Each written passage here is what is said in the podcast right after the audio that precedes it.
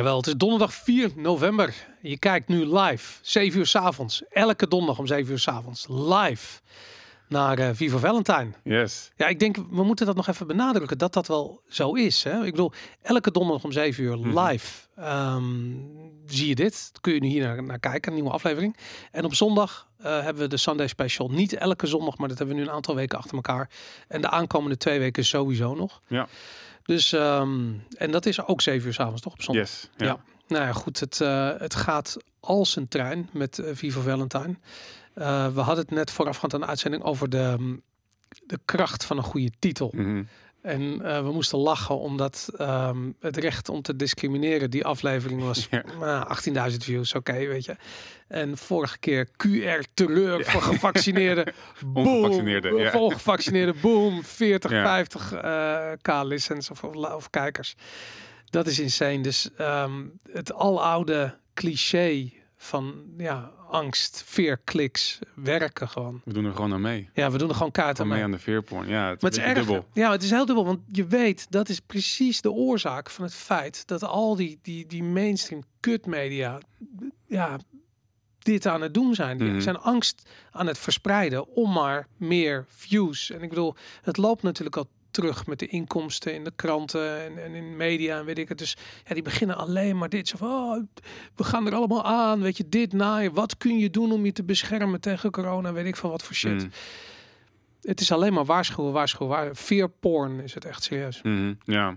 ja, ik vind het lastig inderdaad. Want elke week eh, een soort van samenvatting bedenken van waar hebben we het over gehad. Ja, En dan in de titel bedenken. In het begin was het nog een soort van ehm, dit en komma dat en komma zus en komma zo. Een beetje een soort van alles willen vatten. En ja, je merkt inderdaad dat eh, sowieso alles over corona, eh, wat, nou ja, wat mij Huh. soms een beetje de spuigaten uitloopt, dat doet het heel goed. ja, En ook die coronapas aflevering van een tijdje geleden, dat was ehm, ehm, voor, voor zeg maar in het bestek waar die toen werd uitgezonden, was het een, een van de best bekeken ehm, afleveringen. ja. En nu met die van vorige week eh, weer. En eh, ja, aan de ene kant wil je natuurlijk dat mensen het, het, het kijken en eh, bewust worden van wat er gaande is. eh, maar je wil ook niet meedoen met het verspreiden van, Het van, is, zo, van meer angst. het is zo dubbel. Vorige aflevering, toen zijn we zo begonnen. Toen zei je van, ja, ik wil het er eigenlijk niet meer over hebben. Ja, En ja, goed, nu hebben we natuurlijk de persconferentie gehad deze week. Ik heb hem niet gekeken. Ik heb wel even gekeken wat er gezegd werd, zodat we dat konden behandelen in deze Mhm. uitzending. Maar ehm, het dubbele ervan is dat je aan de ene kant van, kijk, het is onvermijdelijk dat we het daarover gaan hebben hier bij Vivo Valentine. Maar mhm. het is aan de andere kant gewoon stom vervelend. En het is ook nog eens een keertje het beste dat we het er met z'n allen niet meer over hebben. Mhm. Weet je, dat ik, het, het bizar is, eh, gisteren eh, kwam ik achter dat Hugo de Jonge me geblokt heeft op, eh, op Twitter. En ik had echt zoiets van, wow, what the fuck, weet je. Ik bedoel, de Kwam het was ergens vandaan? Of wat? Nee, weet, ik, ik bedoel, ik neem aan dat het gewoon zo'n overijverige communicatiekut is die daar werkt, die dat gewoon gedaan heeft. Maar ik, ik wil, kan me niet voorstellen dat hij zelf op Twitter zit. Maar ik, ik denk dat, ehm, ehm, ik denk eerlijk gezegd dat iedereen die langskomt in de soort van wappie threads, waarin hij dus ja, verrot gescholden wordt, dat hij gewoon geblokt wordt. Maar het nare ervan is, is dat het een volksvertegenwoordiger Mhm. vertegenwoordig het fucking volk. Weet je, ik bedoel, luister naar wat ze zeggen. Doe Ja. er iets mee. Maar nee, ik ga ze blokken, want ik wil niet uit mijn bubbel. Ja. Dat is wat hij doet. Bizar. Het is echt fucking omgekeerde wereld.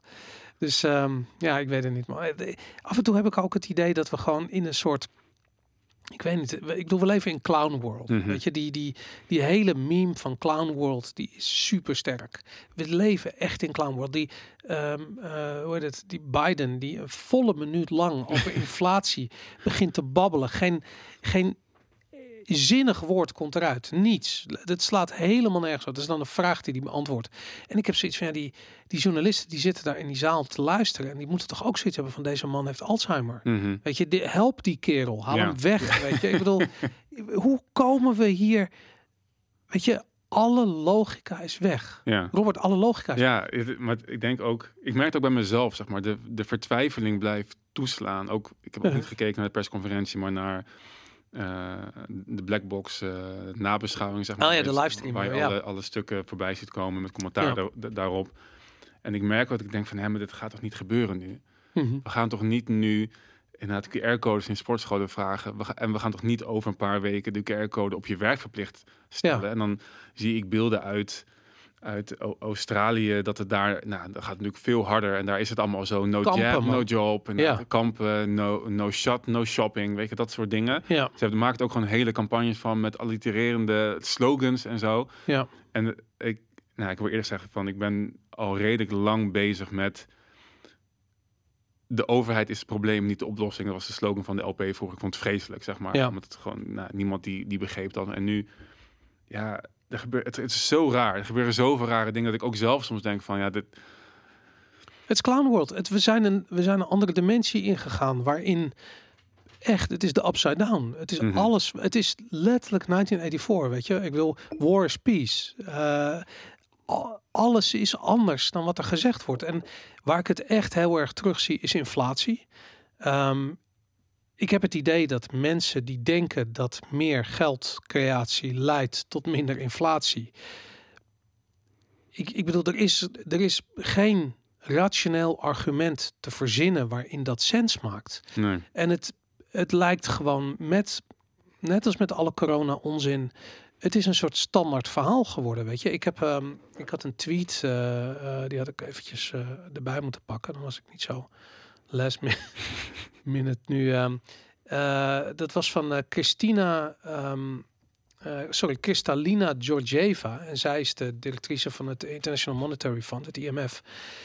Ehm, en zij zegt: Vaccinating the world will help ensure that higher inflation stays temporary. En weet je, als je heel even nadenkt, soort van ten eerste, hogere inflatie is per definitie niet tijdelijk, tenzij de rente verhoogt en niet zeggen de inflatie doet. Maar dat kan niet, want dan niet het hele bol in elkaar. Mhm. Dat heeft verder niets met vaccinaties te maken. Je zou zelfs kunnen stellen dat het tegenovergestelde aan de hand is.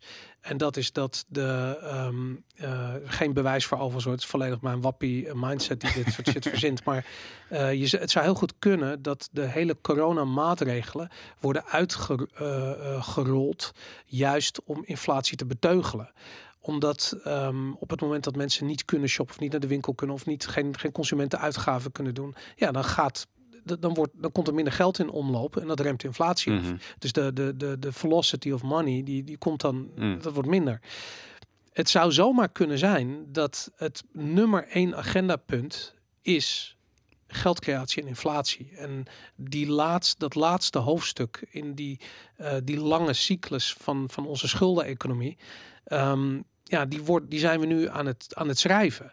En ja, ik, het zou zomaar kunnen dat, dat corona en zo, dat doet niet. Het zijn allemaal maar tools die ingezet worden om maar op die rem te trappen van hyperinflatie. Mhm. En misschien staat het ons wel te wachten. Ik bedoel, het is niet ondenkbaar dat dat gebeurt. We zien, we zien het vertrouwen wegvallen in al onze instituten. We zien het vertrouwen in de overheid wegvallen. Onderzoek van de Erasmus Universiteit. 30% van de Nederlanders heeft nog maar eh, eh, groot vertrouwen in de overheid. 30% nog maar. Mhm. Nederland is een land wat altijd op de, weet ik veel, 80% zat dat we vertrouwen hadden in de overheid. Ja. Maar alleen Een top 5 of zo, misschien wel bovenaan. Bizar. Ja. Dat, is, dat is verdampt waar we bij staan. De vertrouwen in het geld gaat weg. De vertrouwen in de EU gaat weg. Allemaal dingen die ik toejuich, want het is bullshit. Mhm. Maar ehm, daar zitten wel gevolgen aan. Mm, De ja. gevolgen zijn hyperinflatie. Ja, ik, ik, ik, wat jij zegt over die tweeting, nou, het, er zit geen logica meer achter. En dat is denk ik wat de tactiek ook of zo erachter. We kunnen gewoon alles roepen wat we willen. Ja. En ik had het gisteren over dat eh, het doet een beetje denken aan de de de ehm, er is zo'n er is zo'n ehm, zo'n overzicht van tekenen dat je in een in een abusive relationship zit. Ja, ja.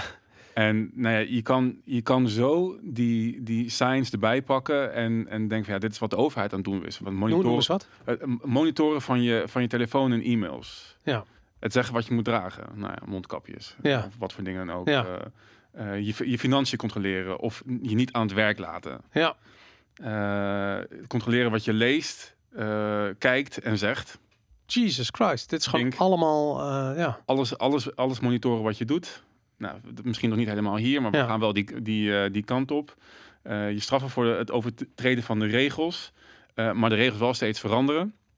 Ja, het is echt je, niet, niet toestaan om wat er gebeurt te bevragen. Dus Ja. Dat is natuurlijk, nou ja, neem een Hugo de Jonge die, die je blokt Of, een, of de jongen die in een debat gewoon niet wil antwoorden op vragen. En de van, cijfers niet deelt. En de cijfers waar, niet deelt. Waar, hun model op gebaseerd zijn. Ja, ja. Nou, dat, dat soort uh, zaken.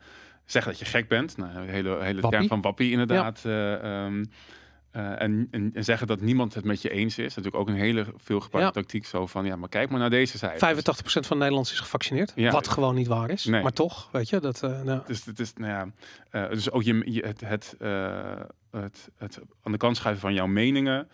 En het, slacht, het slachtoffer spelen. Ja, het, het, wat, en het, slachtoffer, het slachtoffer spelen en zeggen wat allemaal fout kan gaan. als jij iets fout doet. Ja. Ja, het is echt, het zijn er 15. Volgens mij, ik, ik, zijn bijna allemaal, allemaal gehad. ja. Maar dat het gaat alleen maar door. Dit is precies wat de overheid doet. En dit is precies... We hebben, we hebben, wij zitten dus in een, in een uh, abusive relationship met de overheid. We Ja. moeten het uitmaken met de Ja. overheid. Ja, dat is een hele grappige... ehm, Hugo, als je dit kijkt. ja, we maken het uit. Het is klaar. Het, was, het ligt niet aan jou, het ligt aan mij. Eh, Ja, en dat, er is dus ook een, eh, er is een libertariër in, in eh, Amerika, die heeft daar dus ook letterlijk een film van gemaakt van I'm Breaking Up With You America. Ik ga die, nu- ik denk er nu in één keer aan, nu we hiermee bezig zijn. Ik zal hem wel delen in de comments en Ja. sturen. Maar Super. het is precies wat het is. En dat is, dat is eigenlijk al heel lang. Ja, En nu wordt het gewoon, er is nu een soort van, ehm, we zitten in de fase dat we het niet meer, het niet meer goed kunnen praten in ons hoofd. En dat, het gewoon, dat we het uit moeten maken. ja, nee, maar het is ook op een gegeven moment wordt het zichtbaar. Weet je, ik bedoel, die, dit soort, eh, eh, eh, hoe noem je dit? Dit, dit soort toxic communicatie is vaak niet heel erg zichtbaar. En ik kan me voorstellen, in relaties geef je zelf vaak de schuld. Weet je, soort van, nou, het zal wel aan mij liggen, weet je. Ik bedoel, ik weet dat vrouwen daar misschien nog wat meer een handje van hebben dan mannen, maar ehm, nu kan ik me voorstellen dat dat ook in Nederland speelt. Dat mensen zoiets hebben van, nou, ja, misschien ligt het aan mij. Mhm. Weet je, ik bedoel, de, onze overheid kan nooit het slechtste met me voor hebben. En misschien is het ook wel zo dat een groot gedeelte van de Nederlanders is opgegroeid, bijvoorbeeld met narcistische ouders. En deze hele eh, ehm, giftige communicatieverhouding gewoon herkennen. En zich er misschien wel veilig bij voelen. Mhm. Omdat ze dat Mhm. als kind eh, op die manier hebben ingespoten gekregen. Dat, eh, Ik denk dat dat een hele grote is. Ik denk dat mensen inderdaad ehm, nou, vanuit hun jeugd de sense of self zijn kwijtgeraakt. Hun, hun, gronding niet hebben of nooit hebben gevonden of ergens zijn kwijtgeraakt. En daarom dus geneigd zijn aan zichzelf te twijfelen en zeggen, ja, het zal wel aan mij liggen. ja, Ik merk dat ook, eh, mijn moeder zegt bijvoorbeeld heel vaak van, ja, ik snap het niet. Mhm. Ze snapt het prima, want ze ziet gewoon, het is niet logisch. Maar ze zegt daardoor, ik snap het niet. En leg, leg eens uit hoe dat zit. En ik zeg, ja, maar er valt niks te snappen, want er zit gewoon geen logica in. ja, Maar zij heeft niet, zeg maar, de, de, de gronding om te bedenken van, ja, ik zie het goed en er zit gewoon geen logica in. Nou, maar je moet ook je, je, je de, de, van de overheid, de appeal to authority, waar we het al eens over Mhm. gehad hebben, dat, dat, eh, dat beroep op autoriteit, dat moet je afbreken. Ja. Want je gaat ervan uit dat mensen die in het kabinet zitten, dat die weten wat ze aan het doen zijn. Dat ze snappen Mhm. wat de gevolgen zijn. Dat ze überhaupt in staat zijn om zelf rationeel na te denken. Want ik twijfel daaraan.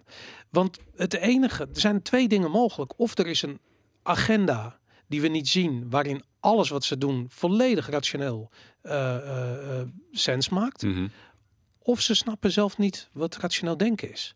Eén van de twee is waar. Mhm. En ja, ik, ik eerlijk gezegd, ik, ik, ik schommelde het tussen die twee. Omdat ik zoiets heb van, ik, ik snap wat jij zegt. Weet je, dat je, als je moeder zegt van ja, ik snap het niet.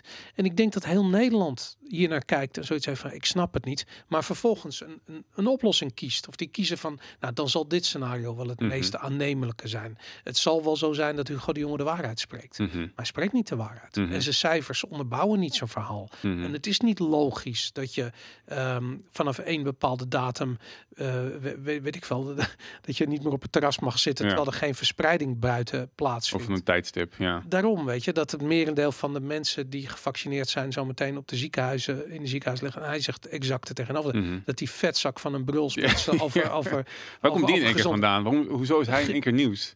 Ja, ik, vind- ik denk omdat zijn naam gewoon grappig is. Ja. mensen zeggen, oh, dat is Bruls. Die Bruls, die brult weer wat, weet je. En dat, maar ik, ik bedoel, hoe krijg je het voor elkaar? Die man is mor morbidly obese. Weet je, Mhm. die man heeft echt, die heeft een BMI van, van, ik denk tegen de 50 aan. Weet je, die heeft nog nooit van zijn leven een sportschool van binnen gezien. Die heeft nog nooit nagedacht over, over wat voor koolhydraten die wel en niet in zijn bek steekt. De nummer één factor voor ziekenhuisopname is je BMI. Is een Mhm. hoge BMI. Is een metabool syndroom aandoeningen. Die man is een lopend diabetes soort van studieobject. Weet je, ik bedoel, wat de fuck gaat hij mensen vertellen over gezondheid? Mm. Dat is, maar het is ook weer zo'n voorbeeld van totaal de, de, de los zijn geraakt van ratio. Mhm. Weet je, ik bedoel, Maar ik denk dat dat dus kan, omdat die, die appeal to authority en die appeal to social proof, en wat je ook zegt in de media ziet van zoveel Ja. mensen, dat komt omdat mensen dus die gronding zelf niet hebben. ja, Ik denk ook dat de meeste mensen van mij hebben eerder over gehad, als je het boek Influence gaat lezen, dan zie je al deze tactieken gewoon uitge, uitgespeld. En het, het werkt om je er tegen te wapenen, want je herkent gewoon tactieken ja, in de media. Maar ik denk op het moment dat mensen dus die zelf, natuurlijk gebruiken ze dat, maar op het moment, wij zijn er ook niet vatbaar voor. Dus er zit Ja. een reden achter dat wij niet vatbaar zijn. ja, En het kan ook weer andersom liggen, want ik merk dat ik zelf een, ehm, altijd een, een, een, ja, een, een afschuw had tegen autoriteit. ja, En dat daardoor ik dus, ja, ik ben juist geneigd iets anders te denken als autoriteiten iets zeggen. En dat, Ja. goed, daar kunnen ook allerlei dingen aan ten grondslag liggen. Maar in ieder geval ben ik niet zou een geneigd. podcast moeten beginnen. Om, ja. In ieder geval ben ik niet geneigd om met standaard narratief mee te gaan. Ook als mensen Ja. me iets vertellen of als heel veel mensen doen, dan ben ik juist geneigd om te gaan wantrouwen. Dat is, maar ik snap wel dat heel veel mensen dus inderdaad daar andersom in zitten. En, en ja, zich moet, bewust moeten worden van het feit dat je het zelf prima ziet. Ja, Dat dingen inderdaad heel onlogisch zijn. En dat het inderdaad een abusive relationship is waar we in zitten. En dat je daar eh, ja, je- je- jezelf daartegen moet wapenen. Onder andere door de Sanctuaries of Sanities, die steeds groter wordt op Telegram. Als je niet in zit, dan check even de link onder de video. En dan eh, kan je een grote groep Ja. gelijkgestemden vinden. en nu ook gemoderate eh, Ja. door onze fantastische moderator Kloek. Die eh, zorgt en dat... Mookie. Inderdaad, ja, Ja. dat er niet meer eh, in, in, alleen maar in hoofdletters over aliens geschreeuwd wordt. maar dat er daadwerkelijk over inhoud en rationaliteit gaat nu. Dat is heel tof. Ja. Nou, er is nog een ander ding en dat vind ik heel interessant. En dat, dat, dat muntje viel bij mij pas toen ik vader werd. En op dat ogenblik ging ik nadenken over communicatie met kinderen. En als je, ehm, als je voor het eerst een kind krijgt, dan word je echt gebombardeerd met een soort van advies. Weet je, ik bedoel natuurlijk van de mensen om je heen, maar ook vanuit de overheid. Die komen met een heleboel adviezen aanzetten. En wat mij de hele tijd opviel, is dat als er ergens een probleem is. Hè, dus stel je voor, je hebt een gesprek op school en eh, nou weet ik veel, je kind heeft niet zijn best gedaan of loopt achter bij een of ander vak of weet ik wat. Stevast is de conclusie van nou, eh, er wordt een labeltje geplakt. Dus je kind is, eh, misschien heeft hij eh, wel ADHD, of is hij hoogbegaafd, of heeft hij eh hoogsensitiviteit, of is hij, weet ik, ze hebben echt een hele kast met labels die ze, uit, die, ze, die ze tevoorschijn halen om maar je kind het gevoel te geven, en ook jou als ouders, dat het aan je kind ligt. Mm. En ik heb echt, ik ga daar niet in mee, hè, per definitie, want ik heb echt zoiets van, luister, ik hoef je labeltjes niet. Mm. Een oordeel zegt alleen maar wat over de persoon die oordeelt. Mhm. Dus niets over mijn kind. Eh, ehm, dit zit anders in elkaar. Weet je, waar gaat het nou werkelijk mis? Weet je, wat, wat gebeurt er dan in die klas? Weet je, hoe, hoe ziet het proces eruit? En ook de verantwoordelijkheid ervoor nemen. Want heel veel ouders die hebben zoiets van, die laten zich wegsturen met dat, met dat labeltje. En vervolgens gaan ze dan op zoek naar, weet ik veel, hulp, begeleiding, whatever. Ik weet het niet. Dat lost nooit het probleem op. Mhm. Want het probleem is iets anders. Het probleem is namelijk, vindt in de klas plaats. Terwijl de oplossing wordt dan, ja, weet je, die juffen en die meesters in die klas kunnen dat ook niet aan. Dus die sturen dan die ouders een beetje met een kluitje het, het riet in. En dan, dan zie je dus gewoon van ja, als je als kind geleerd wordt dat het probleem per definitie aan jou ligt, hoe ga je dan, als je 21 bent, hoe ga je dan in de maatschappij staan en niet denken dat op het moment dat er een corona uitbreekt of precies. er is inflatie, dat het op een of andere manier te maken heeft met jou. Want dezelfde onlogica eh, of niet logica vindt daar plaats. Weet je, ik bedoel, op het moment dat je kind niet eh, wiskunde doet of rekent of taal doet of weet ik veel wat, dan heeft het waarschijnlijk te maken met dat die lessen gewoon ontzettend Mhm. saai zijn, niet relevant zijn, geen aansluiting kunnen vinden bij kind. Maar nee, het is, er is een labeltje wat we hier uit deze map halen en onderzoek wijst uit dat je kind nu naar een of ander eh, instituut moet om onderzocht te worden. Die dingen zijn niet rationeel. Mhm. Het slaat helemaal nergens op. Mhm. En dat, dat, dat, dat begint dus letterlijk al in, in je kinderjaren. En Mhm. ik vermoed eigenlijk dat er een hele generatie is opgegroeid met die labeltjes. En gewoon dit nu in de praktijk aan het doen is. Mhm. En gewoon dit, die, die is dit, ik bedoel, Rutte en de jongen en weet ik van al die mensen. De jongen komt uit het onderwijs, weet je. Hij is per definitie iemand Ja. die, die weet hoe dat met die labeltjes Ja. werkt. Hij doet het, hij doet het gewoon. Hij Mhm. doet exact hetzelfde wat hij op school doet. Bizar. Ja, ik heb tien jaar, volgens mij is nu tien jaar geleden, eh, was ik mentor, gaf ik eh, les, bijles in Amsterdam Zuidoost. Ja, eh, aan groep 7 en groep 8 eh, kids. Omdat, ze omdat ehm Amsterdam Zuidoost heeft de slechtste CITO-scoren Uh-huh. van heel Nederland. En Ja. dat komt deels omdat het, omdat het nieuw is. Zeg maar. Dus er zijn heel veel Surinaamse genezen, voornamelijk kinderen die voor het eerst zeg maar, zo'n CITO-toets moeten maken en niet echt kunnen steunen op ervaring van ouders of, Ja. of broers of zussen. Dus een vriend van me die heeft een project opgezet om daar te begeleiden. Maar een, een van de redenen is ook dat ze daar stelselmatig lagere CITO-scores krijgen, is omdat wat jij zegt, omdat de ouders inderdaad geneigd zijn om te denken van oké, het ligt echt aan mijn kind of aan, aan, aan ons. Ja. En ik eh, ga niet in discussie, terwijl eh, zeg maar de, de, de ehm, nou, noemen even autochtone eh, ouders, die, Ja. die gaan in discussie. En die, en die krijgen vaker daardoor ook zeg maar een hogere, een hogere, hogere score. Ja, dus heel vaak. ehm, eh, ik denk dat dat ook wel een van de grootste dingen is dat mensen geneigd zijn om dingen aan te nemen zoals ze komen. Terwijl je moet, je moet echt nadenken over wat wil ik en wat wil ik hier uithalen. En Ja. dat, is, dat is heel eng op het moment dat je inderdaad niet die, die grounding hebt. eh, en, ik, Ja. en, en inderdaad een voedingsbodem. Ik denk dat we daar wel vaak over gehad hebben voor het kunnen gebeuren van dit soort. eh, eh, nou ja, het is gewoon bizarre, bizarre dystopische samenleving waar we nu gewoon ingerold zijn. Eh, Ja. ehm, het is eh, ja.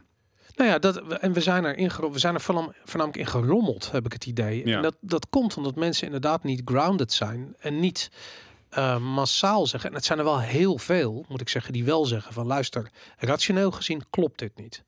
Maar er zijn er veel te veel die zoiets hebben van nee, rationeel klopt het misschien niet, maar emotioneel klopt het wel. En waarom klopt het emotioneel? Omdat het gewoon een patroon is wat ze als kind al hebben aangeleerd. Op het moment dat er een probleem is, is het jouw schuld. Jij hebt het gedaan. Jij bent de slachtoffer van, we- weet je, jij bent de, veroorzaker. En ehm, daarom ben je nu een slachtoffer van, van de situatie waar je jezelf in geholpen hebt. Nou, en dat is, als je dat tot te horen hebt gekregen vanaf dat je, sterker nog, op het moment dat je hele opvoeding bestaat uit die vorm van voorwaardelijkheid. Dus ehm, je, weet je, ik, ik bedoel, je kunt, je hebt zo gezegd van, er zijn in een aantal generaties terug, ik denk drie generaties geleden, werden kinderen gewoon fysiek mishandeld. Dat was Mm. heel normaal. Weet je, die kreeg, dan kwam papa kwam thuis met zijn broeksriem en die gaf iedereen er van langs, bij wijze van spreken. Nou, op een gegeven moment ha- ha- hadden we in, in Nederland, maar in het Westen helemaal, dat zoiets van, nou, weet je, dat is toch niet helemaal goed voor die kids. Hè? Dat moeten we niet op die manier doen. Maar het bizarre is, het, het, het, ehm, de, ehm, de, de, de, het geweld is toen eh, psychologisch geworden. Mm. En dan krijg je van die dingen van ja, nog volgens mij heb ik dit al. Ik, zit- ik zit het te vertellen. Ik heb ja, het vorige keer Ja, ik denk ook van je. dit herken ik. Ja, inderdaad. Dan krijg je, van- krijg je psychologisch geweld. En dat, maar eigenlijk is dat psy- psychologisch geweld is gewoon de, eh, de voorwaardelijkheid van liefde. Dus ja, ze houden je, je ouders houden van je als je iets doet wat, Ja, eh, ja. wat goed Mhm, is, ja of mhm. nee. Mhm. En ehm, weet je, nog een hapje eten voor mama. Nou, dat is precies wat Hugo die zegt van nog een prikje voor u, nog een prikje voor de voor de Ja. bejaarden en nog een nog een nog een prikje voor eh, voor je vrijheid en dit en die voorwaardelijkheid is gewoon het probleem. De vrijheid is per definitie Hm. niet voorwaardelijk. Ja, dat, is- dat vind ik wel mooi, want dat is dus ook... Ik vraag me af of mensen bewust zijn dat, hoe we hier ingerommeld zijn. Ik vertelde, ik vertelde net nog dat ik gisteren een tweet eh, de wereld instuurde over... Ik vind niet dat de overheid verantwoordelijk, verantwoordelijk is voor de volksgezondheid. Ja, En dat is een hele ehm, fundamentele eh, filosofische eh, eh, keuze, standpunt Ja. wat je daarin neemt. En dat is namelijk dat de overheid niet verantwoordelijkheid over ons draagt en ook dus niet de macht krijgt over ons. Want dat is nu iets wat je heel veel voorbij ziet komen ook over, ja, het gaat met name om ehm, de IC-bedden, zeg maar, daar hebben ze op bezuinigd. Ja, nee, het probleem is dat zij daarover gaan. ja, En het, dat we er niet zelf over gaan. Dat we niet zelf keuzes mogen maken. Dat we niet zelf onze eh, zorg mogen inkopen waar we willen en er afspraken over maken. Het feit dat wij hebben gezegd, er is een externe autoriteit die dit voor ons, voor ons bepaalt. Daarvoor zitten we nu hier. Die, die wet publieke gezondheid is al, weet ik veel hoeveel jaar oud. ja. Die nu in één keer wordt afgestoft om coronamaatregelen uit te rollen.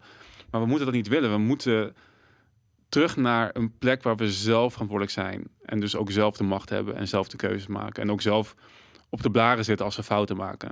Ja, behalve dat eh, eens, helemaal eens. eh, eh, je kunt niet verantwoordelijk zijn voor andermans gezondheid. Dat kan Nee. gewoon niet. Want als ik verantwoordelijk ben voor jouw gezondheid, dan heb ik zoiets van: Oh ja, en eh, je rookt en misschien drink je wel cola. En misschien, en dan heb ik zoiets van ja, maar als ik verantwoordelijk ben voor jouw gezondheid, dan, dan gaan we dat allemaal niet doen. Weet je. Dus Nee. met andere woorden, zodra iemand verantwoordelijk is voor jou, ja, dan gaat je vrijheid. Ja, Weet je, ik bedoel, maar dat hebben we nu toch? Bedoel ja, dat, dat is de situatie waar we nu in Ja. zitten. Inderdaad, als, een, als de relatie tussen een kind en een ouder, bij wijze van spreken. Want Ja. je ouder is verantwoordelijk voor je veiligheid en je gezondheid. Dus mag je niet snoepen. En mag je niet dit en ma- mag je al van alles niet. Maar goed, dat staat haaks op het leven. Waarin je eh, een, een relatief korte tijd hebt om het leven op te vreten. En dan was het dan, weet je. Ik bedoel, je moet gewoon... Bruls doet dat letterlijk, andere mensen doen dat figuurlijk. Maar ehm, ja, je, je, het, het, het, het staat haaks op vrijheid. Maar dan denk ik wel, als je dat eh, zegt binnen de context van hyperinflatie en binnen de context van de zware inflatie die we nu zien, mensen worden armer en armer en armer. En die wijzen allemaal naar de overheid van alsjeblieft red me. Mhm. En eh, eh, ik, we willen subsidies en we willen bailouts en we willen eh, de, de huppeldepup regeling omdat mijn bedrijf niet oh, en bladibladibla. En dat zie je dus overal gebeuren. Dus die, die overheid wordt zo machtig mede doordat ze overal voor betalen. Mhm. Dus hoe, hoe, hoe zie je dus een overgang tussen stoppen met iedereen helpen zijn broek op te houden en iedereen persoonlijke verantwoordelijkheid aan te leren? Ja, er zit, het is zo moeilijk omdat je wat je schetst, eh, zowel in ons monetaire systeem als in het onderwijssysteem, als zelfs in, in ons asielbeleid, wordt je gewoon geleerd inderdaad te luisteren, te kijken naar autoriteit. Ja. En, en inderdaad eh, en aan jezelf te twijfelen. Als je hier als asielzoeker komt, dan mag jij niet werken. Je mag geen vrijwilligerswerk doen. Je moet gewoon in een asielzoekerscentrum zitten totdat jij een eh verblijfsvergunning krijgt. En dat kan een jaar of langer duren. En dan ben je dus afhankelijk voor alles Ja. voor de overheid. Dus ook nieuwe mensen die leren hier meteen van de overheid is de, is de persoon of de enti- enti- entiteit die dingen voor jou regelt. Dus je zou, ik denk onderwijsvrijheid zal een hele grote zijn. Als je, Ja. als je niet meer gaat dicteren vanuit, het, vanuit de overheid hoe je dat gaat inrichten en wat je ze gaat leren. En Ja. dat gewoon aan, aan ouders en, ehm, en leerlingen en kinderen zelf, eh, zelf overlaat. Denk je dat mensen dat kunnen? Ja, dat is altijd discussie en ook de tegenwerping van tegen libertarisme en waarom de VVD naar links opschrijft, is omdat ze zeggen, ja, mensen kunnen die verantwoordelijkheid niet dragen, dus wij moeten het wel doen. Ja. ik denk dat het onzin is. Ik denk dat mensen over het algemeen prima over hun eigen leven in ieder geval kunnen beslissen en over die, dat van hun kinderen. Ja. Ehm, en ik denk ook dat we in een, we leven in een wereld van gemaakte schaarste. Ja. Door die inflatie, doordat de overheid alles dichttimmert. ehm, ehm, en alles gewoon duurder wordt. Eh, Ik denk dat het bizar is dat mensen niet eens kunnen beseffen, al zo'n kleine verandering van deflationair geld hebben, Mhm. eh, wat het gaat doen met je, met je koopkracht en dus met je welvaart en met je vrijheid. En met je levensinrichting. En, met je, en daardoor met je levensinrichting. Ja. En, en dus ja, je, je welzijn, alles is daarmee verbonden. Als je dat verandert, is dat al zo'n grote stap. Laat staan als je zegt, we, we geven volledige onderwijsvrijheid. En we geven daarnaast ook een volledige economische vrijheid. Om te kunnen ondernemen, werken zoals jij kiest. Ja. We, we betalen echt bizar veel belasting Ja. in het land. Los van dat we inflatie hebben, hebben we ook een keer bizar veel belasting. Ja, ik geloof echt als dat allemaal van tafel is, dat, dat, dat de rijkdom ongekend is. Ja. En, en dat... En dat ja. Nou, dat, dat zegt eh, eh, Jeff Booth zegt dat in zijn boek The Price of Tomorrow. En die zegt ehm, ehm, je kunt ehm, overvloed hebben in je geldvoorraad en schaarste in al het andere. Of schaarste in geld hebben en overvloed hebben in alle Hmm. andere. En dat is een, dat is een filosofisch echt een, een behoorlijke sprong om te maken. En hij onderbouwt dat echt heel goed. En ik geloof erin dat dat ook waar is, omdat we het al zien. Het probleem met de inflatie is voornamelijk dat wij onze welvaart afmeten in euro's. De euro als rekenmodel is kapot. Weet je, op het moment dat jij bij wijze van spreken een, een centimeter gebruikt om afstand te meten en die centimeter die gaat, wordt het langer, ja, dan word je helemaal gek met je gemeet.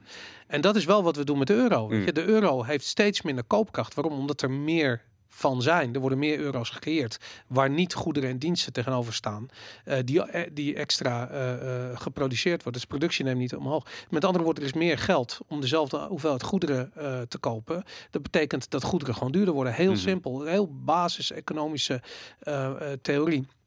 Wat we in de praktijk zien. Ja, als je dan eh, eh, probeert met die euro waarin je steeds minder kan kopen, dan vervolgens je welvaart af te meten. Mhm. Ja, dat is lastig, weet je. Ik weet niet, vroeger was iemand die 3000 gulden in de maand verdiende, had een modaal salaris. Nou, nu is dat, weet ik veel, 1400 euro als minimumloon, weet je. Ik bedoel, Mhm, Dat is lastig, mhm. weet je. Laat staan hoe hard het nu gaat gaan. je, Mhm. Want het was allemaal een aanloop naar waar we nu naartoe gaan.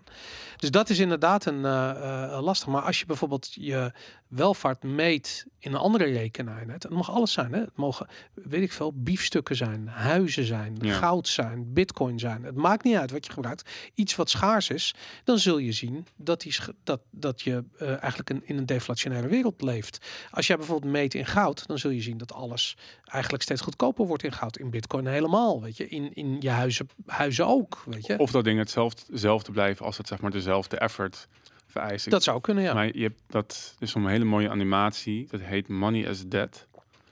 En daar leggen ze, ja. daar doen ze volgens mij ook inderdaad die vergelijking. eh pakken ze inderdaad een andere rekening. In dit geval goud. Ja. En dan gaan ze hoeveel gram gaan ze kijken hoeveel gram goud voor hoeveel gram goud je vroeger handgemaakte leren schoenen, een, een leren riem en nog iets zeg maar handgemaakt. Er is een heel beroemd voorbeeld daar. Volgens mij we gebruiken ze het Romeinse eh, eh, uniform. Dus het Romeinse legeruniform, helemaal de, de, de chique versie, kostte één ounce of goud. Dus Mhm. één gouden munt van één ounce. Mhm. Nu is één ounce is 1800 eh, dollar. Daar kun je nog steeds een maandpak van kopen. Ja, precies. Dus dat, Ja. was, dat is eigenlijk door de eeuwen heen gelijk gebleven. Terwijl, ja, weet ik veel, 1 dollar is nu nog maar, of is 99% van zijn koopkracht kwijtgeraakt. Ja. De euro gaat ook al heel hard die kant op. Mhm. Dat, sterker nog, de gulden, poef, weg. Weet je, dat is nul. Dus dat, eh, nou, dat is bizar. Ja, dus dat, dus ja.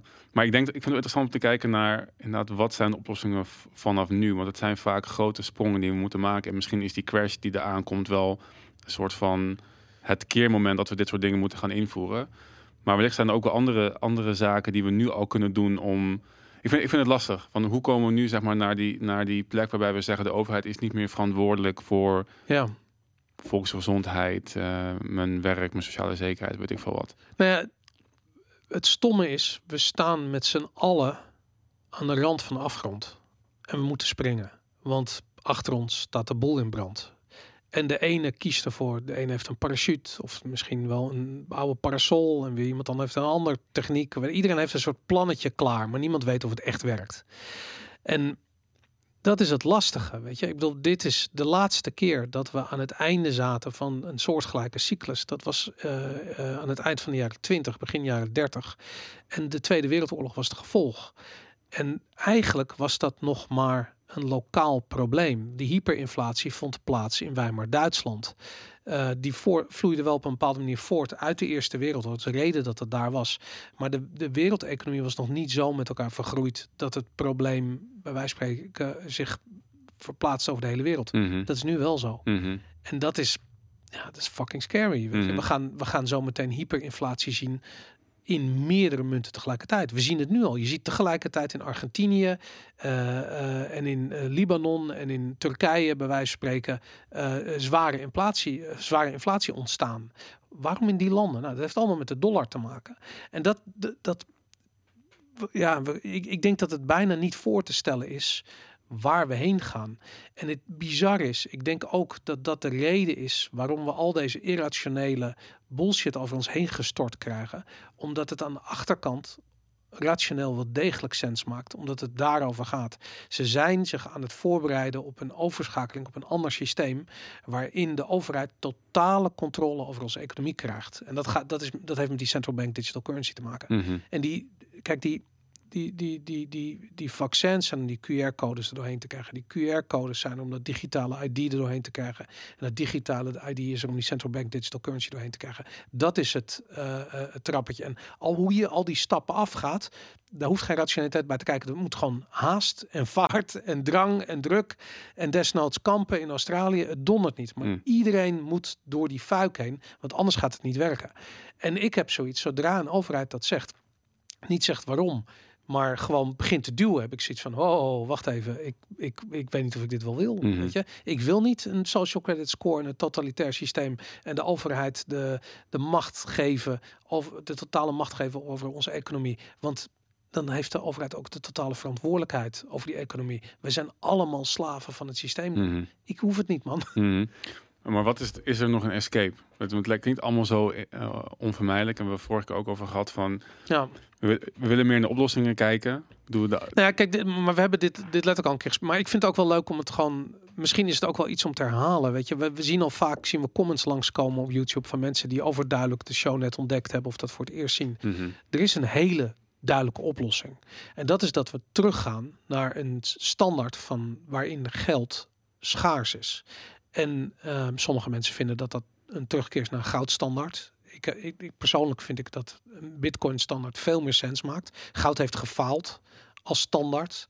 Eh, de centrale banken hebben gefaald als standaard. Dus Willem Middelkoop die zegt bijvoorbeeld letterlijk in, onze, ehm, eh, in ons gesprek vorige week van ja, de, de, centrale bank, bankiers die omarmen goud en die ja, op het moment dat, dat, dat goud wegvalt, dan vallen die centrale banken weg. Nou, dat is per definitie wat Bitcoin wil. Weet je, de, de, de, eh, als je de, de Bitcoin speltheorie doorloopt, dan zie je aan het einde van dat centrale banken hebben geen bestaansrecht meer. Eh, we zijn allemaal onze eigen bank. Weet je, je kunt je eigen geld beheren. Ehm, ja, je hebt daar eigenlijk geen andere partijen meer voor nodig. Niet voor het doen van transactie, niet voor settlement, eh, niet voor finance. Dat kun je allemaal onderling regelen. Eh, het is volledig transparant. Eh, je kunt zien wat er is. Dus er is ook geen sprake meer van. ehm, van ja, vals gecreëerde eh, eenheden. Weet je, wat je in goud heb je papieren goudmarkt bovenop de goudmarkt. Ja, daarmee is eigenlijk gewoon het goud stuk gemaakt. En in Bitcoin kan dat niet echt. En dat, ehm, ik kan, zou me voor kunnen stellen als iedereen massaal overstapt op, een, op Bitcoin als betaalmiddel, als spaarmiddel en als financieel protocol om eigenlijk de toekomstige economie op te bouwen, dan vindt dat per definitie plaats buiten, het, eh, eh, buiten de rijkwijde van de overheid. En is het probleem opgelost. Hmm. Het enige is dat heel veel mensen snappen het niet. En het is ook fucking ingewikkeld. Want je moet een concept, namelijk het concept van absolute digitale schaarste, moet je kunnen visualiseren. Je moet kunnen begrijpen wat de, wat de sociaal-economische impact ervan is als dat uitgerold wordt. En er is een heel mooi voorbeeld van ehm, eh, eh, de scheepsarts aan boord van de Endeavour. Dat was het schip van James Cook. En James Cook eh, is natuurlijk een, die heeft Australië ontdekt. En toen hij daar naartoe voer, toen heeft hij allerlei dieren om zich, weet ik veel. En allemaal kleine eilandjes. En de scheepsarts heeft in zijn dagboek bijgehouden. En die zei: Het is zo opvallend. Iedere keer als we in zo'n baai liggen voor zo'n klein eilandje, dat die bewoners nooit dat schip lijken te herkennen. Dus d- Hmm. ze reageren er niet op. Dat Mhm. schip ligt daar in die baai. Er gebeurt niks. Ze stappen ze aan een roeiboot, gaan ze aan land. Nou, dan worden ze begroet of met pijlen doorboord, whatever. Dan- Je Mm. krijgt een menselijke reactie. Maar dat schip zelf, daar wordt niet op gereageerd. En hij zegt, hij, hij filosofeert een beetje, dat heeft waarschijnlijk te maken met dat ze het niet kennen. Dus ze hebben nog nooit zoiets gezien. Ze hebben geen idee wat het kan of wat het is. Ze zien het wel, maar ze hebben gewoon, ze hebben geen Het referentie. Het registreert gewoon niet. Het is Ja. nog geen referentiekader. En hetzelfde is met absolute digitale schaarste. Dat, dat serieus, dat zit als een olifant in de economische kamer staat dat. In Nederland, in, in de wereld, overal. Weet je, je ziet landen die dat nu gaan gebruiken, zoals El Salvador, maar Cuba ook binnenkort. Problemen worden opgelost daardoor. Je ziet dat het eh, als rekeneenheid een deflationair effect heeft. Het, het, het is onvermijdelijk, het hangt voor ons neus en niemand ziet het. Hmm. Omdat ze nog nooit zoiets gezien hebben. En geen idee hebben wat de absolute digitale schaarste is. Of hoe je het kunt gebruiken, of hoe je erbij kan. Of net als dat die inboorlingen bij wijze van spreken niet snapten dat dat schip de hele wereld over kon varen. En dat dat zou betekent dat je handel kon drijven met andere continenten. En dat de mind-blowing veranderingen die dat tot gevolg heeft voor de, voor de samenleving.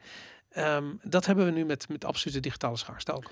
Maar dat is dus, want ik zie het altijd een beetje als een oplossing voor, eh, of de reddingsboei voor als het klapt, zeg maar. Dus eh, bitcoin en misschien voor andere mensen goud, zilver, ehm, of in ieder geval, eh, zoals Willem zegt, ehm, alles wat de overheid niet bij kan drukken. Ja. Als je daarin dat investeert, dan bescherm je in ieder geval je vermogen tegen Ja. de crash, zeg maar. Het blijft gewoon, het blijft zijn waarde behouden. Maar je hebt natuurlijk nog een hele periode van nu tot en met, weet ik veel wanneer dat gaat gebeuren, dat mensen ja, niet meer deel kunnen nemen aan het sociale verkeer. Eh, Mensen gaan denk ik nu hun baan kwijtraken over, Ja. over ja, als, als het doorgaat, eh, een paar weken omdat ze gevaccineerd moeten zijn op de werkvloer. ehm, en ik krijg ook inderdaad appjes van mensen die steeds meer zorgen gaan maken over hoe kom ik deze, deze, deze tijd door. En ik vraag me af of er nog een, is er nog enige vorm van verzet? Ik zie heel weinig mensen demonstreren. Ik zie heel weinig demonstraties. Sowieso ben ik, moet zeggen, ik ben geen fan van de demonstraties zoals ze nu zijn uitgevoerd de afgelopen tijd. Want het altijd is op de Dam of het Malieveld waar je Mhm. ja, eigenlijk geen politieke druk uitoefent. Je zou voor de ehm, eh, Tweede Kamer moeten gaan staan op, de- op de dag dat de persconferentie er is of zo. En, Ja. en ik weet niet, er moet, er moet meer politieke druk komen en niet. We zijn nog te Mhm. in een bepaalde eh keurslijf. We vragen goedkeuring voor demonstraties en we, Ja. en we, we lopen in de pas zoals zij dat zeg maar willen. Een, een unmute als demonstratie is leuk Ja, door de stad, eh, eh, door de binnenstad van nou ja, grote steden. Maar uiteindelijk, ja, het, het levert geen pressure op. maar al die dingen tezamen. Kijk, dat is, want ik heb hetzelfde van. Weet je, je kunt met, met, met 10 miljoen mensen kun je door Amsterdam of Den Haag gaan demonstreren en er verandert niks. Dat is opvallend. Maar ik denk eerlijk gezegd van het is een onderdeel van het totale protest. En het protest zit hem erin dat of je nou wel of niet de prik hebt gehad, je niet meedoet aan de QR-terreur. Mhm. Dat je niet meedoet aan de, eh, weet ik veel, de registratie die zometeen. Dat je je medewerkers niet vraagt naar hun QR-code. Hm. Ook al wil de overheid dat je dat gaat doen. Dat is wel wat je nu ziet bij eh, Maurice, heet hij Maurice van der Bos, ja, ja, ja, van de OVG. Ja, En ik zag dat er meerdere ehm, collega's van hem uit andere ziekenhuizen dat zeg maar ook. ehm, maar dat is, dat is zo belangrijk. Dat mensen gewoon zeggen. En ook, het klinkt heel stom, weet je. Ik bedoel, ik kan niet heel veel meer dan een podcast maken, bij wijze van spreken. Maar daarin hoop ik mijn steentje bij te dragen. In dat mensen zich gesteund voelen. Dat ze niet alleen zijn. Dat je een soort eh, pad, eh, eh, hoe noem je dat, schetst. Wa- Mhm. Wat je moet aflopen om los te raken van die overheidsterreur. En ja, weet je, het kan zijn dat wij binnenkort van YouTube afgeschopt worden. En dan hoop ik dat mensen onze website vivovalentine.com eh gewoon weten te vinden. Waar de video's dan ook gewoon nog staan. Ehm, maar je weet het niet, weet je. En, en dat is met al die individuele dingen. Die, ja, daar, daar valt wel wat tegen te doen. Maar, maar de massaliteit van het negeren van de, ehm, van de legitimiteit van de overheid. Dat is de sleutel tot de oplossing. mhm. En dat... ehm, eh, En ook de oorzaak van het probleem inderdaad. Ja. ja, inderdaad. En dat, dat is namelijk ook waar het stopt. Er is een, eh, ik, ik zat een podcast te luisteren van de week en die, ehm, die ging over eh, het einde van de Vietnamoorlog. En de stelling was dat is eigenlijk gebeurd. En ik ben even de naam van de universiteit kwijt. Maar er was een protest tegen de Vietnamoorlog in een Amerikaanse universiteit. En de Nationale Garde, garde werd ingezet om die opstand, wat het natuurlijk niet was, het was gewoon een demonstratie om dat neer te slaan. Mm. En er zijn vier Amerikaanse studenten zijn doodgeschoten. En eh, mensen zagen dat en hadden zoiets van, nu is het klaar. Dit is, nu is het genoeg geweest. En daarmee stopte het de, niet direct natuurlijk, maar het was het einde van de Vietnamoorlog. Omdat daarmee de support voor de Vietnamoorlog viel weg bij de Amerikaanse bevolking. Mhm. En dat ga je hiermee zien, weet je. Maar we- misschien gebeurt het al, maar dat is wel. Want ze zijn nu zo meester in, dat, in het beheersen van het narratief en die beeldvorming. Want inderdaad, die support voor nou, de overheid is dus al weg, maar is dan ook de support voor de heersende part, politieke partijen weg? Ik zie nog steeds VVD bovenaan staan. CDA en D66 zijn wel gedecimeerd, dat is nou wel weer mooi. Zeg maar. Ja, Als je nu verkiezingen zou houden, zou je nooit meer hetzelfde kabinet kunnen krijgen, omdat zij gewoon ja, falikant zijn afgestraft in de peilingen. Ehm, maar dat die support voor inderdaad de, de, de politieke leiding is denk ik key. Ik zag een tijd geleden de approval ratings. Ik zat die van Biden te bekijken, die een beetje Ja. zo nu zeg maar 37 procent. ja, richting nul zeg maar gaan. maar de grap was, op die pagina zag je ook van de andere presidenten. Ja. En ik zat hier naar die van Bush Jr. te kijken. Ja. En die ging ook zo'n beetje. Ze hebben allemaal een beetje. Ze beginnen altijd een beetje eh, veelbelovend en die kabbelen dan zo af. En bijna gaat weer heel hard richting de afgrond. Uh-huh. Maar ik zag bij George Bush Jr. iets wat ik in geen andere peiling voorzag. Maar dat hij in één keer zeg maar van afkappelend echt lijnrecht omhoog ging. Naar iets van een proefrating van 70 of 80 procent. Echt bizar hoog. Wat was dat, oorlog? 9-11. Oh, ja, ja, ja. En door 9-11 en zijn optreden, zeg maar, is Ja. toen is, is, heeft hij heel veel steun gehad. eh. ja. en, maar dat is dus het, het, het, het. Nu ook met corona heb je ook weer zo'n moment. Ik vraag me af of dit, dit wordt ook gebruikt op, op dezelfde manier om die approval rating enigszins. Ja, of hun, hun beleid enigszins staan te houden. Ik vraag me af hoe we dat kunnen afbreken. Want dat is, dat is wel de key, denk ik inderdaad. Dat die, Nou, de, de, ehm, eh, er was in de jaren 70 een hele sterke stroming naar socialisme toe. Eigenlijk vanuit de 60. Vanuit de hippiebeweging zag je gewoon een, een, een sterke drang naar socialistische oplossingen, eh, naar meer socialisme, meer overheidsinmenging. Vanuit de jeugdbeweging. En toen is eh, onder andere Milton Friedman, die, is, die was ontzettend goed in uitleggen waarom dat een slecht idee is. En die was niet weg te slaan van de televisie. Die kwam steeds weer terug. En in zijn kielzog hebben we dus Reagan en Thatcher gehad. En bijvoorbeeld ook Paul Volcker. En Paul Volcker was de minister van Economische Zaken in Amerika... die op een gegeven moment de, uh, de rentes naar 20% heeft opgeschroefd. Gigantische crisis uh, tot gevolg. Maar wel de inflatie stopte en eigenlijk het economisch herstel in gang heeft gezet. Mm. De pijn is in één keer genomen. Mhm. En dat was echt dapper. Dat zou nu vandaag de dag ondenkbaar zijn. Maar ik, dus ik, ik, ik zat erover na te denken van ja, wie is de, wie is de equivalent van Milton Friedman vandaag de dag? Weet je, en ik heb echt zoiets van, misschien heb je niet meer een Milton Friedman nodig om uit te leggen hoe economische principes werken. Misschien heb je ehm, een miljoen amateur Friedmans nodig, Hmm. die allemaal op social media vertellen hoe economie werkt. En hoe dat Keynesiaanse denken, wat in onze ehm, economie geslopen is, hoe dat, eh, hoe, dat, hoe dat onze samenleving sloopt. En ik denk dat dat werkt. Ik denk dat social media en weet je, en hoeveel er ook geband en geblokt, weet ik veel wordt, het doet er niet toe. Het is niet meer te stoppen. Het is Mhm. kennis die als een lopend vuurtje gaat. En als je eenmaal snapt waarom geldcreatie diefstal is en waarom de euro eigenlijk niets waard is, als je dat snapt, dat ga je niet meer, Mm. dat ga je niet meer vergeten. Weet je, Mhm. je, je, you can't unsee Mhm. dat. Weet je, ik bedoel, dat is, dat is eenmaal dat zaadje is geplant. En ik denk dat dat, dat gaat als een lopend vuurtje. En Mm. dat is waarom Bitcoin bijvoorbeeld als een, als een, als een gek om zich heen grijpt. Mensen die dat zien en die vragen zich af van, maar waarom is, waarom is eh, weet ik veel, 1800 sats dan een euro waard? En die hebben dan zoiets van, maar waarom is die euro eigenlijk? Waarom kan ik daar een soort van een brood verkopen? En dus, tenminste vorig jaar en dit jaar nog maar een half, halfje wit gesneden of zoiets, weet je? Ik bedoel, waarom, geeft, waarom heeft, heeft, heeft een euro de koopkracht van een euro? Mhm. Waarom is dat eigenlijk? En die vragen, die vallen in dat, dat, dat rationele, logische spectrum. Exact hetzelfde van waarom is iemand die gevaccineerd is niet een bedreiging voor anderen eh, als die toch corona kan krijgen, dezelfde viral load kan hebben en het gewoon kan doorgeven. Versus iemand die niet gevaccineerd is, een snotneus heeft en gewoon thuis gaat zitten Netflixen. Weet je, hoe verhoudt dat zich tot elkaar? Dat En- is niet en- logisch. En we überhaupt 98% immuniteit hebben volgens... eh, Precies, ja. Met andere woorden, het is dezelfde onlogica. Hmm. En ik, ik denk wel van, oké, weet je, de leugen is snel, maar eh, echt gewoon logisch nadenken en consistent redeneren hoe problemen daadwerkelijk in elkaar zitten.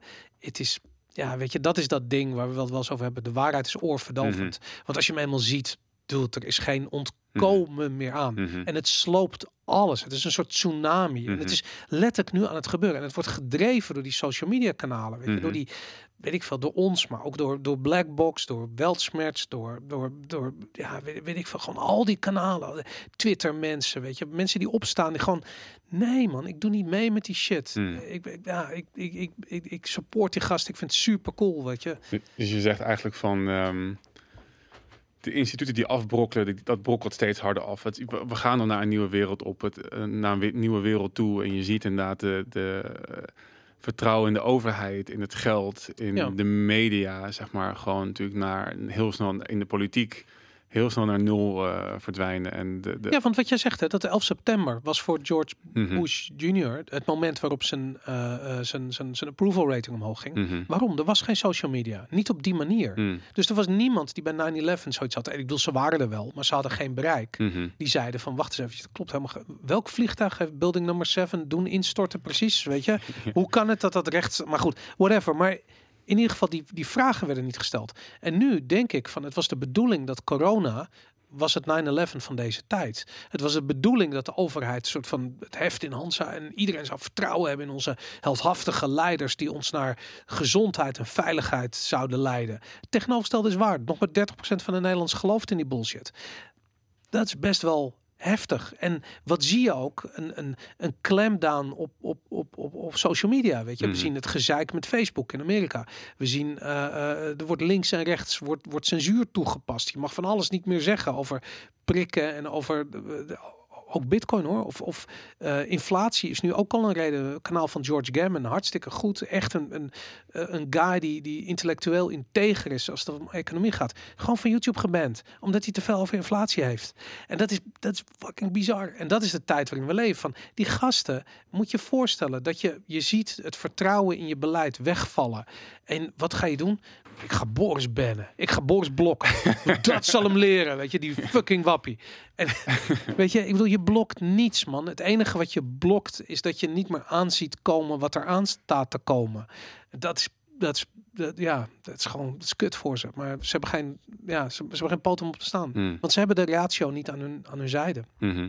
Ik vind het een, eh, een positievere noot dan veel van onze podcast. eh. Ja, nou ja, goed. eh, Als ik eenmaal, eh, als je me de ruimte laat om een rant, te, dan- dan doe ik het graag, weet je. Dat, ja, nee, altijd. Nee, maar ik, de- laten we eerlijk wezen, weet je. we- Er, er zijn zoveel rare dingen aan de hand. Ehm, ik denk dat iedereen met vragen zit. Mhm. En ik vind, wat ik echt het bizarste vind van alles, is dat wij hadden bijvoorbeeld in Nederland een hele hoge vaccinatiegraad. Onder kinderen bijvoorbeeld, hè, dus polio-vaccin, dat soort Mm. dingen. Heel hoog, echt, weet ik, ver boven de 90, misschien wel 97, 98 procent zoiets. En nu, door deze shit, door dat gedram en gezeik en gezanik met dat kutvaccin, waarbij we het niet mogen hebben over de bijwerkingen. Wat is het? 10.000 vrouwen die menstruatieklachten hebben op het LAREP.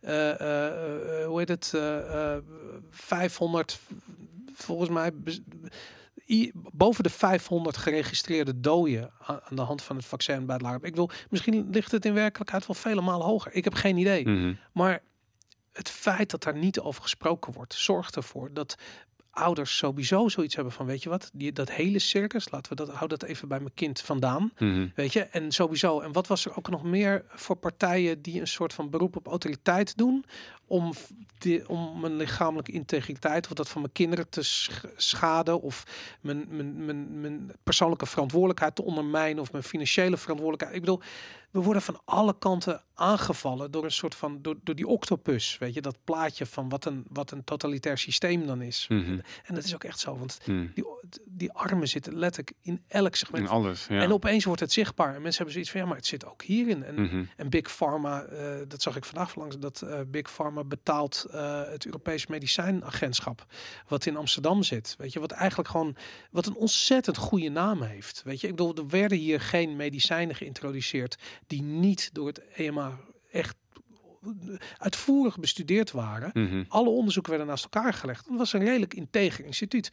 Boom, weg, weg integriteit. Hmm. Weg, gewoon weg. Ik weet niet.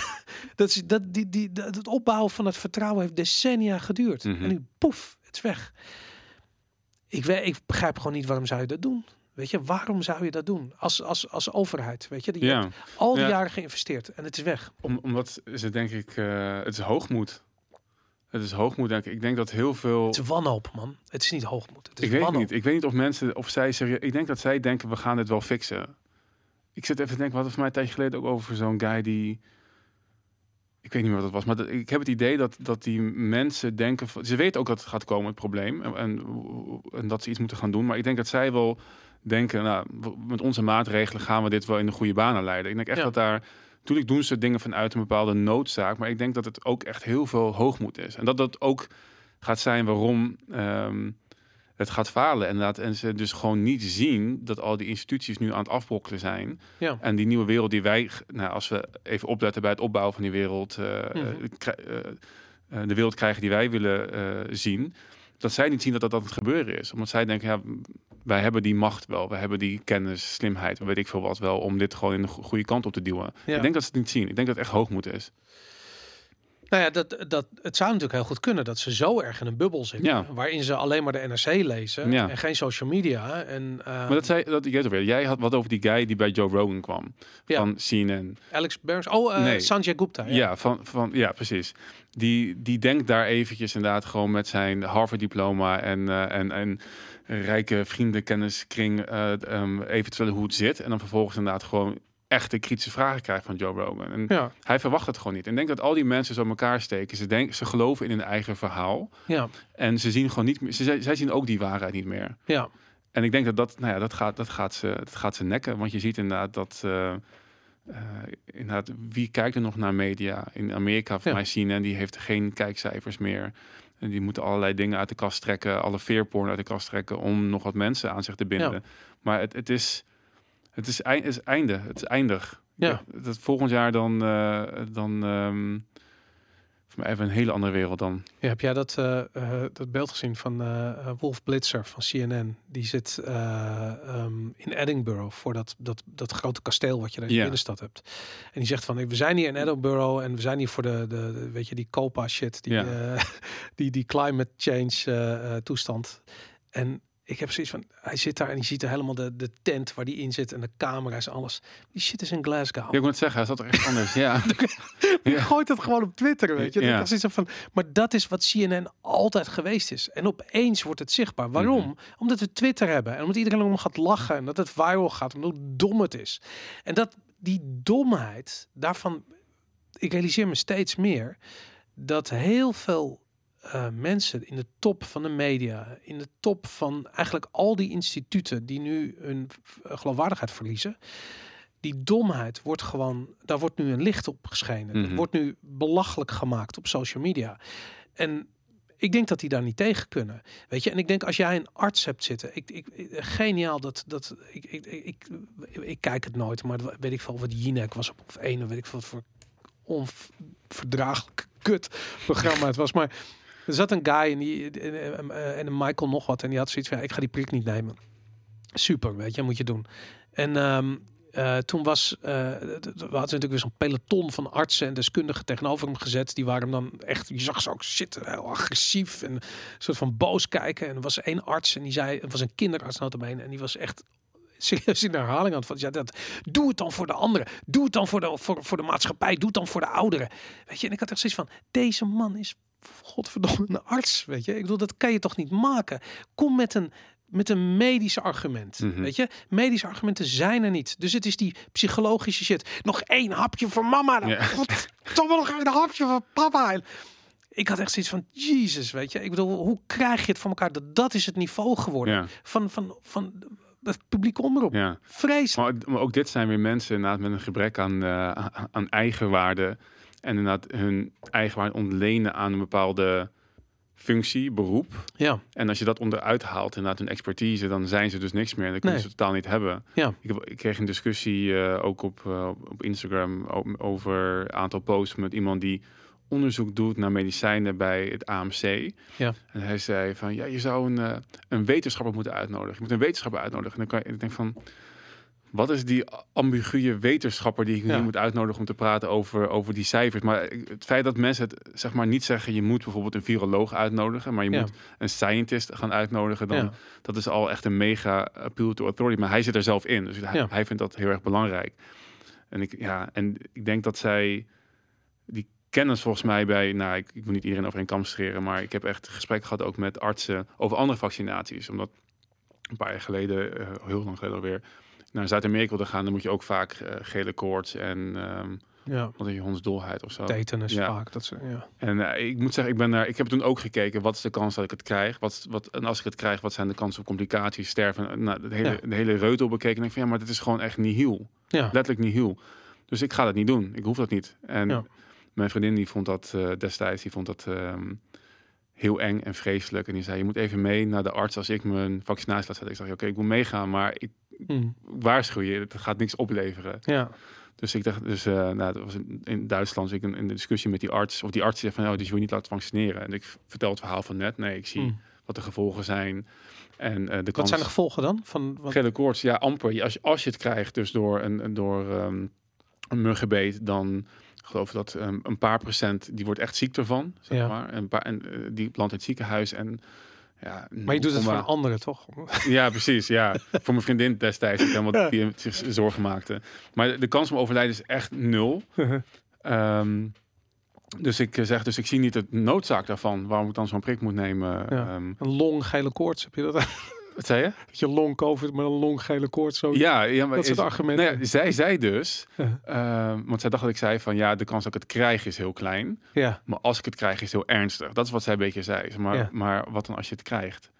Eh, ze zegt, dan, dan ga je dood. Ik zeg, wat bedoel je? Ja, als je, de kans is misschien klein dat je het krijgt, maar als je het krijgt, ga je dood. Ja, Ik zeg, zeg je nu dat ik dood ga als ik gele koorts krijg, 100% zeker? ja, ja. Zeg ze, ja.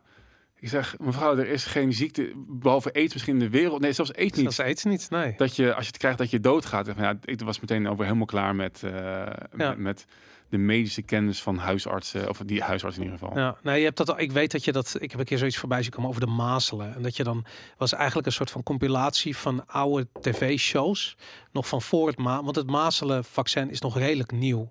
En ik volgens mij in de jaren tachtig of zo. Ik, weet- ik weet het eigenlijk niet. Maar eh, en dan kwam dus inderdaad eh, kwa- kwam een soort van eh, ja, was, was een soort compilatie van allerlei oude series waarin gewoon kinderen mazelen hadden en dus niet naar school gingen. En dan hadden ze van die stipjes of weet ik van Mm. je hebt met mazelen, geen idee ook. Maar dat. ehm, dat, dat hoorde er gewoon bij, weet je. Dat was een Mhm. kinders. En natuurlijk, ja, er gaan kinderen ook dood aan de mazelen. Mhm. En dat is het stomme. Ik wil, ik, ik las laatst d- dat er ook eh, honderden doden in Europa per jaar vallen aan het gebruik van paracetamol, bijvoorbeeld. Ik denk net zeggen, ja. alles. Ik bedoel, mensen vallen van een stoel af bij het verwisselen van een, van een, van een, van een, van een, van een peertje. En, ehm en breek hun nek. Dat Ja. gebeurt ook, weet je. Het is, ja, Ja, eh, dat, maar wat je net zegt over paracetamol, voor mij is medicijngebruik in Amerika doodsoorzaak nummer vier of zo. Het staat echt heel hoog bovenaan het, eh, het Ja. lijstje van doodsoorzaken. Ja. Dus dat soort dingen met zo'n verhaal als nu met COVID of gele koorts. Van ja, wat is nou het risico dat ik loop Ja. met het oplopen van die ziekte Ja. en het risico met het gebruik van het medicijn. Ook al is het al getest, eh, en wat in dit geval natuurlijk helemaal niet zo, zo is. Het is nog redelijk nieuw.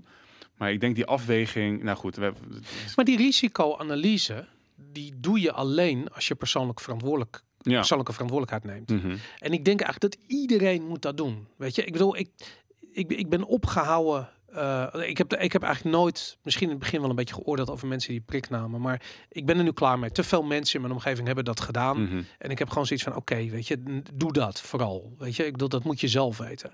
Maar wat heel belangrijk is, is dat je zelf voor jezelf de verantwoordelijkheid neemt van, oké, ik neem de verantwoordelijkheid om dat te doen. Dit zijn de gevolgen. eh, ehm, en die kunnen positief of negatief zijn. Daar maak je dan een afweging in. En daar komt een bepaald soort uitkomst uit. En dat is, zijn de gevolgen waar ik mee ga leven.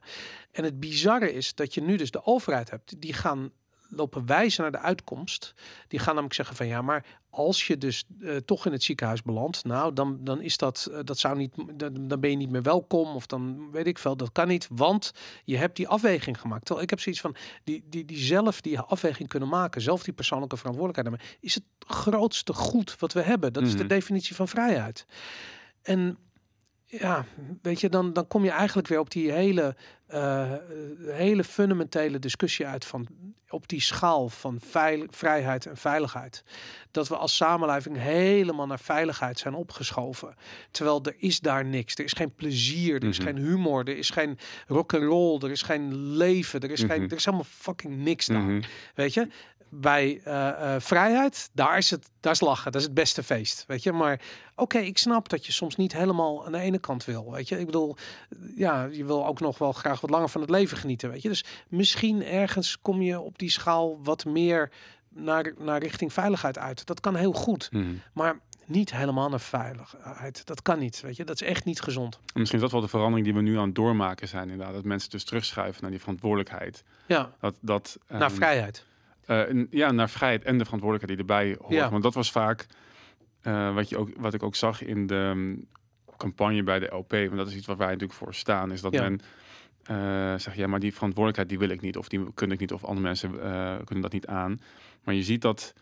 En dat is een beetje het verhaal van Jordan Peterson, waarom hij zo populair geworden is. Omdat hij in één keer een soort van zingeving bracht aan een hele grote groep mensen door te zeggen van ja, maar jij bent zelf verantwoordelijk over jouw leven. Ja. En je moet zelf daar de keuze maken. En dat het is zo inherent menselijk Ja, dat hij natuurlijk heel populair geworden is door inderdaad gewoon bij die bij, die, bij dat vrijheids- en verantwoordelijkheidsideaal te blijven. En dat zie je nu Ja. denk ik ook gebeuren, dat mensen het zat zijn, dat vadertje staat, alles bepaalt en ook dat eigenlijk heel slecht bepaalt. ja, En nu inderdaad zeggen van oké, dan, dan wij zelf maar weer doen. En dan wij zelf maar het heft in handen nemen.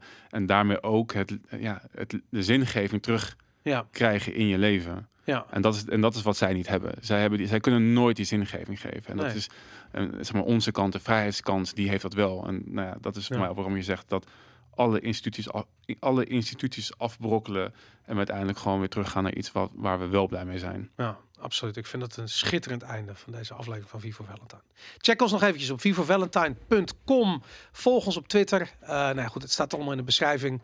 Beneden, like en subscribe, moet ik er nog bij zeggen. En uh, tot, eh, tot zondag. Want hebben we een eh, speciale. Sunday special.